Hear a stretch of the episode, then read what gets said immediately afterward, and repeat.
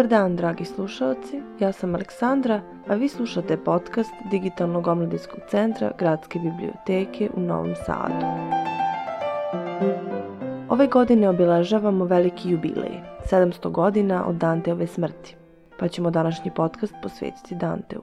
Analizirat ćemo 13. pevanje pakla, odnosno drugi pojas sedmog kruga, u kome se nalaze grešnici protiv sebe samoga. Nećemo se baviti Danteovom biografijom, već njegovim odnosom prema grehu, tako što ćemo analizirati na koji način i u kojoj meri je ono refleksija vremena u kojem je Dante stvarao. Psihologija je danas prva asocijacija i osnovni arbitrar kada se govori o ljudskoj duši, emocijama, porivima i motivacijama. Međutim, pre jedva više od 100 godina psihologija kao nauka nije ni postojala, a u vidu čovekovu dušu pružala je umetnost. Honore de Balzac u svom predgovoru ljudskoj komediji ističe kako je potrebno sačiniti istoriju ljudske naravi i kako je upravo književnost jedino istinsko i najvernije svedočanstvo razvoja ljudske duše i načina na koje istorijske okolnosti na nju utiču. Kako je umetnost vekovima sakupljala i čuvala najrazličitije duhovne porive i dileme, nije neobično što psihologija često s pomoć umetnosti otkriva uzroke i posledice duševnih problema kod ljudi. Ona je vekovima unazad reflektovala javno mnjenje o svim relevantnim činjenicama iz društvenog i privatnog života, kako pojedinca, tako i čitave zajednice. Međutim, uticaj nije bio jednostran i umetnost je u mnogome usmeravala i oblikovala znanje i mišljenje javnosti. I to možemo da vidimo na primjeru Danteove božanstvene komedije.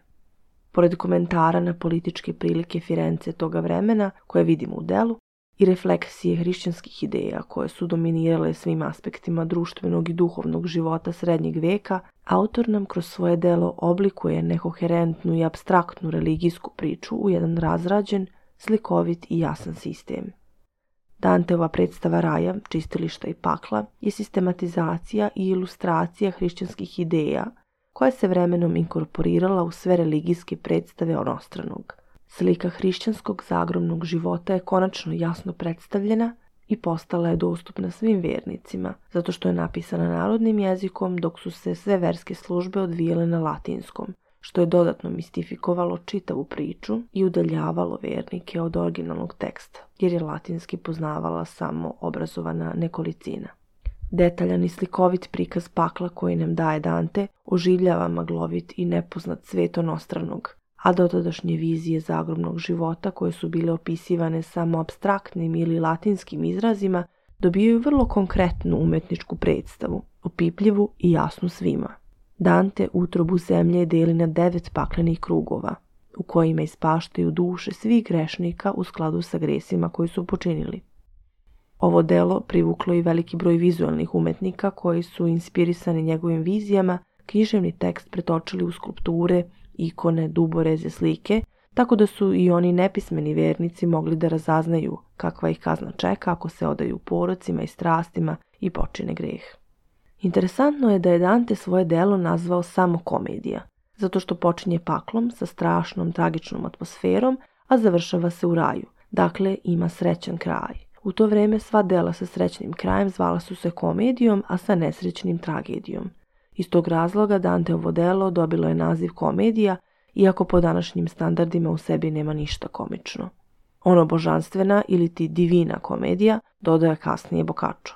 Jedni od interesantnijih kontraverznijih grešnika koje Dante smešta u sedmi krug pakla jesu samoubice. Potrebno je odmah naglasiti kako je u crkvenoj hrišćanskoj dogmi svako oduzimanje života greh protiv svetog duha, pri čemu je samoubistvo jedan od najvećih, jer počinilac ne može da se pokaje. Međutim, stav društva prema suicidu nije oduvek bio takav. U drevna vremena pre hrišćanstva suicid je često smatran herojskim činom. Naravno, to je u mnogome zavisilo i od okolnosti i motivacije zbog kojih je taj čin izvršen. Žrtvovanje zarad opšteg dobra zajednice se u antička vremena visoko cenilo. Dobrobit polisa je uvek dolazio ispred dobrobiti pojedinca, jer se ideja o sebi, kao individui, kao jedinstvenom i neponovljivom biću u to vreme još nije postojala. Pa je tako slika smrti koja je motivisana ljubavlju prema državi, suprugu ili pak neuzvraćenoj ljubavi bila visoko cenjena. Isto tako, kulture koje nisu evropske ili hrišćanske imaju drugačiji stav prema ovom fenomenu. Japanski harakiri je, na primjer, čin hrabrosti, časti i discipline i često simboliše ljubav i lojalnost prema svome klanu i vladaru, dok je indijska praksa sati ritual, pri čemu se udovica spaljuje na lomači sa mrtvim telom muža. Kasnije, u vreme neoklasicizma i romantizma, ponovno oživljavaju herojski prikazi suicida uz pomoć kojeg se ističu moralne, socijalne i političke vrednosti i promoviše određena ideologija, pa se umetnici ponovo vraćaju u antici kao večnoj inspiraciji. Tada, na primjer, Jacques-Louis David slika Sokratovu smrt. U Nemačkoj se za to vreme javlja Sturmund Drang, koji se buni protiv rezervisanosti suzdržanosti racionalizma, pa njegov najpoznatiji junak, Werther, sebi oduzima život, mučen unutrašnjim previranjima i neuzvraćenom ljubavlji. Kasnije u realizmu se pak javljaju junakinje čija su samoubistva između ostalog i vid bunta i kritike protiv licemerja društva, od kojih su svakako najpoznatiji Ana Karenjina i Emma Bovary. Kontraverzna slika Eduara Manea pod nazivom Samoubistvo je jedna od njegovih najuturobnijih i najmračnijih, ali i najrealističnijih prikaza smrti koja šokira tadašnju publiku brutalnošću koja do tada nije bila prisutna na slikarskom platnu. Primer koji je u određenoj meri izuzetak koji potvrđuje pravilo jeste prikaz smrti Lukrecije, legendarne ličnosti iz rane istorije Rimske republike – Njeno javno samoubistvo ostaje zabeleženo kao herojski čin kroz čitav srednji pa sve do 19. veka u književnosti i umetnosti. Lukreciju je silovao Sekset Tarkvinije, naslednik rimskog carstva, i ona je, pozvavši svoga muža i oca i druge uvažene rimljane, ispričala šta se dogodilo, nakon čega je sebi zarila bodež u srce. Ovim činom ona je odbranila svoj ugled i čeznost, istovremeno se pobunivši protiv tiranije i samovolje u rimskoj monarhiji, nakon čega Rim postaje republika. Srednjovekovno tumačenje ovog događaja u velikoj meri zanemaruje politički aspekt legendarne priče, ali sa druge strane ne demonizuje Lukrecijin čin, što možemo zaključiti i po tome što se na umetničkim predstavama Lukrecije iz srednjeg veka nikada nisu prikazivani demoni, koji su u drugim slučajevima uvek prisutni i simbolišu misli o samoubistvu i gresima uopšte. Srednjovekovno tumačenje njenu herojsku smrt stavlja u drugi plan, naspram ideje o čednosti i čistoti žene. Na umetničkim prikazima Lukrecijina lepota u mnogome doprinosi očuvanju ideje o njenoj plemenitosti i akcenat je stavljen na njenu želju da očuva pozitivnu sliku o sebi i svom životu, zamrznuši svoje jastvo u trenutku smrti, pa se tako ovaj čin tumači kao momento vivere, Počiniti suicid u srednjem veku smatrano je pokušajem da se potčini smrt po sebi, ali i uzurpira uticaj i moć same crkve, što ni jednom smrtniku nije dozvoljeno. Obeležavanje samoubistva kao grešne smrti u hrišćanstvu nastaje zbog potrebe da se napravi jasna distinkcija između Isusa i Jude. Kako je Juda izrazito negativna figura i njegova smrt se treba smatrati takvom, kako bi se još više naglasila pravednost Isusa sa njegovom mučeničkom i svetom smrću. Sa druge strane, takođe je bilo potrebno podvući jasnu razliku između paganskog i hrišćanskog ideala. Kasnije se izdvaja mučeništvo kao herojska smrt, koje opet ima korijene u antici, naspram suicida koje ima pežorativno značenje. Filozofija svetog Avgustina uvodi suicid pod smrtne grehove u hrišćanstvo, što do šestog veka postaje kanon, kada samoubice prestaju crkveno da se sahranjuju. Judinu smrt Avgustin ne tumači kao okajanje, već greh koji dodatno prlja već ukaljanu Judinu dušu. Njegova smrt je dobrovoljno samouništenje, a ne simbol kajanja i kao takva je tumačena kao prepuštanje demonskim silama i znak njegove potpune duhovne propasti i pokvarenosti, povezane sa gordošću i kukavičlukom.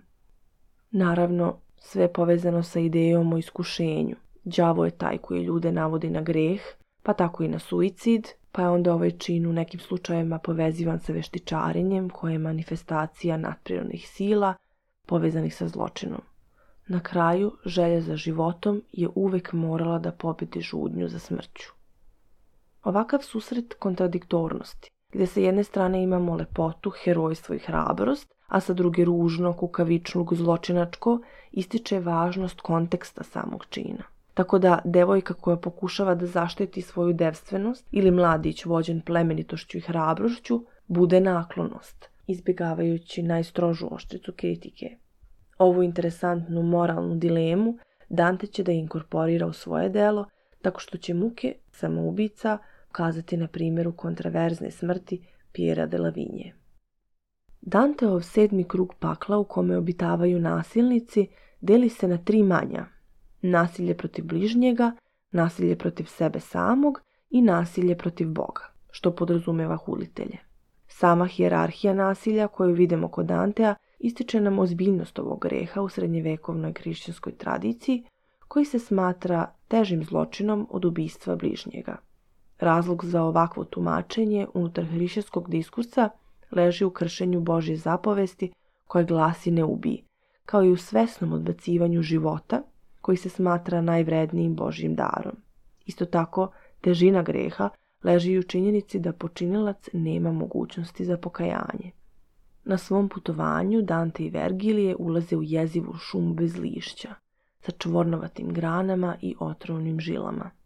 Među granama tog drveća nalazile su se harpije, za koje Dante kaže da krila imaju široka, vratove i glave ljudske, da ti se zgade, noge sa kanđama i trbuh perjem obrastao. Njegovi gotovo naturalistički opisi vrlo efektno dočaravaju fantastične prizore paklenih muka i čitalac uskoro saznaje da su jeziva stabla zapravo duše grešnika. Pisac ne propušta da ovu scenu učini što efektnijom, tako što pre slike daje zvuk, stvarajući još strašniju atmosferu dezorijentisanosti. Dante u zlokobnoj šumi čuje bolne jecaje, za koje ne zna otkud dolaze. I Vergilio mu savjetuje da odlomi granu sa drveta, pa će mu biti jasno. Dante učini kako ga je mentor posavjetovao i drvo viknu. Zašto me kidaš ti? Zar ti je duša manja od zrna? Ljudi smo bili i mi svi. Iz mesta na kojem je grana odlomljena izlazile su krv i reči, što je uplašilo Dantea. Ovo je vrlo neobična personifikacija u kojoj drvo ne samo da ima osobine čoveka, već je ono sama čovekova duša, istovremeno njen okov i kazna. Ovde otkrivamo priču Pjera de Lavinje, kancelara cara Svetog Rimskog carstva Fridriha II koji je bio optužen za izdaju, zbog čega je oslepljen i bačen u tamnicu u kojoj je izvršio samoubistvo. Elokventnim i uzvišenim tonom kojim se Delavinja obraća Danteu, vidimo njegovu inteligenciju i umešnu retoriku. On moli Dantea da spere ljagu sa njegovog imena, naglašavajući kako on ni pošto nije izdajica i da je oklevetan od strane onih koji su zavideli njegovom povlaštenom položaju carskog miljenika – Sama činjenica da se duša Pjera de Lavinje nalazi u krugu nasilnika, a ne među izdajicama, potvrđuje njegove reči. Pa ovo pevanje božanstvene komedije možemo čitati kao Danteov odgovor na Delavinjinu molbu da obnovi sećanje na njega i posvedoči o nepravdi koja mu je učinjena i radi koje je on počinio, kako kažu stihovi, nepravdu protiv sebe i svoje vere. Delavinja je počinio suicid pobunivši se protiv klevetnika kao posljednji način da sačuva svoju čast i nadajući se da će u smrti naći spasenje. Ovakav grešnik će svakako probuditi simpatije čitalaca, a nepravda koja mu je nanesena će ih dirnuti, kao što je dirnula i Dantea junaka, koji pogođen ne može da govori, pa zato moli Vergilija. Ispunjena jadom duša moja je, ti pitaj ono što misliš da treba da znam, jer od bola reč mi u grlu zastaje. Sa druge strane, Dante pisac se ne koleba. On smešta Pjera de Lavinju u pakao i pored svih olakšavajućih okolnosti, prateći učenje crkve koje osuđuje suicid kao jedan od najtežih grehova. Od duše Pjera de Lavinje također saznajemo kakve sve muke očekuju grešnike poput njega. Njegova duša pada u sedmi krug i tu gde padne ona proklija i izraste u drvo. Njime se onda hrane harpije, otkidajući im grane i listove, što izaziva neopisiv bol. U trenutku kada stigne carstvo nebesko i sve duše se ponovo sjedine sa svojim telima, duše samoubica će jedine i dalje biti vezane za svoje stabla, jer kako kažu stihovi, nije pravo da se ima ono što se samom sebi uzima. Pored kontraverzne smrti kancelara Fridriha II. Dante nam daje i sliku još dva grešnika, sa čijim muhama će čitalac mnogo teže saosjećati. U pitanju su Giacomo de Sant Andrea iz Padove, rasipnik i samoubica, i Lano iz Sijene koji je rasuši svoje imanje, krenuo u bitku u potrazi za smrću. Ovo je još jedan Danteovih osvrta na ono vremene političke okolnosti i ličnosti i vrlo efektan primjer grešnika sa zasluženom kaznom. Danteovo bezvremeno delo je ostavilo velikog traga umetnosti, ali i čitavoj zapadnoj civilizaciji i ono je neistrpna inspiracija mnogim kasnijim stvaraocima koji su se ugledali na njega i od njega učili. Izuzetnost njihovog rada, inspirisanog klasikom, leži upravo u novom i originalnom pristupu staroj temi. Na ovaj način novi umetnik odaje počast svome prethodniku kao mentoru i učitelju, a istovremeno osavremenjuje njegovo delo i inkorporira u njega nove ideje kroz savremeno tumačenje. William Blake, na primjer, slika scena iz Danteove božanstvene komedije. Najviše prikaza rađeno je u akvarel tehnici, mada ima scenu i u duborezu. U periodu prosvetiteljstva u kojem stvara engleski književnik, slikar i grafičar Blake, umetnost se ponovo vraća antičkoj estetici kroz neoklasicizam. Međutim, dužnost pojedinca prema Bogu i društvu i dalje je na prvom mestu, dok se suicid povezuje sa beznadežnošću i očajanjem. Shodno tome, David Hume ističe važnost posvećenosti Bogu, koji jedini može da nas izbavi iz nesrećnih okolnosti u životu dok Diderot propagira optimizam kao način da se pobedi očaj. Kako bi razumeli Blakeovo delo, potrebno je shvatiti da njegove ilustracije nisu samo doslovni prikazi teksta, već se često nadevezuju na reči, produbljujući i konkretizujući im značenje. Na taj način slika dobija pripovednu ulogu, a reči vizualno svojstvo. Ova interesantna sinteza književnosti i umetnosti, čiji je Blake neprikosnoveni majstor, otvara čitav dijapazon novih značenja i različitih interpretacija njegovog dela, koje uvek teži da prikaže ono što se nalazi iza materijalnog i iskustvenog. Sva značenja koje delo nosi i sve slojeve uticaja koje čitamo kroz alegoriju teksta povezat će nas sa temeljnom idejom koja se nalazi u srži osnovnog teksta.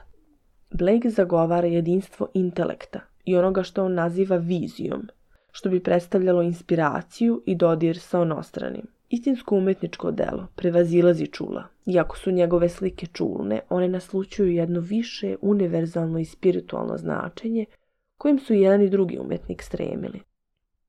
Blake smatra da je naša percepcija predmeta vrlo površna, tako da čim prestanemo da posmatramo taj predmet, on postaje samo bledo i vrlo subjektivno sećanje. Kako proporcije posjeduju samo stvarni i opipljivi predmeti, one nisu ključne za stvaranje umetničkog dela, već upravo ta površna i udaljena percepcija koja pokreće maštu. Ove ideje su uticale na Blakeovo stvaralaštvo, zbog čega su figure na njegovim crtežima uvek fluidne i slobodnih proporcija, jer kako Blake kaže u trajnoj viziji, da su vrata percepcije čista. Sve bi čoveku izgledalo onako kako jeste, beskonačno. Ovo je samo najosnovnija suština Blakeove filozofije o kojoj ćemo možda neki drugi put detaljnije govoriti, ali ću sada istaći samo ono što nam je neophodno da razumemo na koji način Blake odstupa od originalnog teksta. Važno je također istaći da Blake ne razdvaja telo od uma, odnosno duše, jer ne smatra da jedno može da postoji bez drugog, tako da percepcija nije stvar čula, već uma, koji koristi čula kao sredstvo za percepciju. Telo i duh čoveka nisu odvojeni jer telo ima pet čula koja su glavni oslonci duše. Ako smo već rekli da nas percepcija udaljava od samog predmeta po sebi, ostaje nam samo imaginacija, rad našeg uma, inteligencije i inspiracije. Činjenica da se Danteov Blakeov pogled na religiju i religioznost očigledno razlikuju, nipošto ne može da umanji ili negira Blakeovo divljenje Danteovom delu. Budući da je Blake bio vatreni protivnik katolicizma i da je njegova religioznost naginjala više ka misticizmu i okultizmu nego bilo kojoj organizovanoj religiji, on Danteovo putovanje tumači na vrlo svojstven način, posebno kada su u pitanju slike čistilišta i raja. Međutim, ono što je posebno upečatljivo u Blakeovom delu jeste atmosfera, koja je ubedljivo Danteovska. I pored preciznih vizualnih senzacija, Dante često koristi topos neizrecivog. I ovdje dolazi do istinskog mimoilaženja dva umetnika. Jer Blake veruje da je upravo umetnost sredstvo uz pomoć kojeg će se Bog manifestovati drugim ljudima. Za razliku od Dantea, koji vrlo precizno ističe ontološku udaljenost Boga od čoveka i njegovu transcendentnost, Blake smatra da je Bog jednako prisutan u svakom kutku univerzuma. Ono sa čim Blake posebno se osjeća jeste Danteova mržnja prema korupciji, materializmu i zlopotrebi moći, koja je najočiljivija u paklu kada Blakeovi prikazi najmanje odstupaju od osnovnog teksta. Besmisleno da vam opisujem pojedinačne Blakeove radove, pa vam savjetujem da pronađete i pogledate reprodukcije akvarela koje će vam sigurno biti interesantne i dati novu dimenziju Dantevom tekstu. Kako Blakeovo slikarstvo teži da predstavi bestelesnost, sama tema Danteovog dela je za njega vrlo atraktivna, jer je u pitanju sam svet onostranog, eteričnog i bestelesnog. Njegov nadzemaljski svet deluje kao plod sna ili tačnije košmara. Neprecizne proporcije likova i predmeta vrlo efektno očuđuju sliku.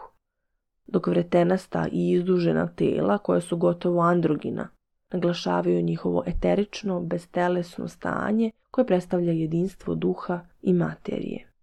William Blake, koji pesnika vidi kao vizionara i proroka, onoga koji kroz kratke i slikovite vizije prima i prenosi Božje ideje, ilustruje Danteovo delo sublimirajući tekst u sliku i oživljavajući ga kroz vizualne senzacije tipično Blakeovske poetike i filozofije, tako da ni jedna scena koju Blake oslikava nije prikazana na tradicionalan način.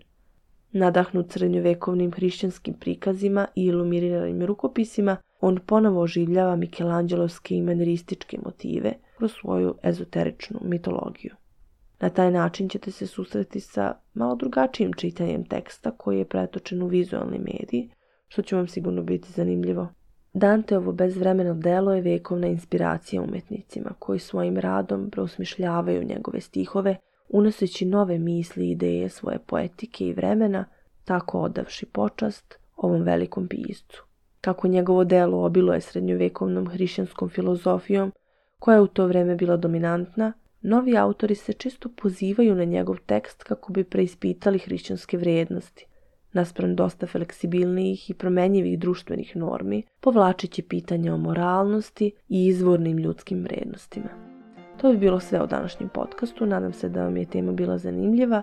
Za sve informacije o radu biblioteke, kao i programima, izložbama i radionicama koje organizujemo, pratite nas na društvenim mrežama, a tekstove iz oblasti književnosti i kulture pronađite na našem blogu bibliofil.gbns.rs. Hvala vam na pažnji i do slušanja.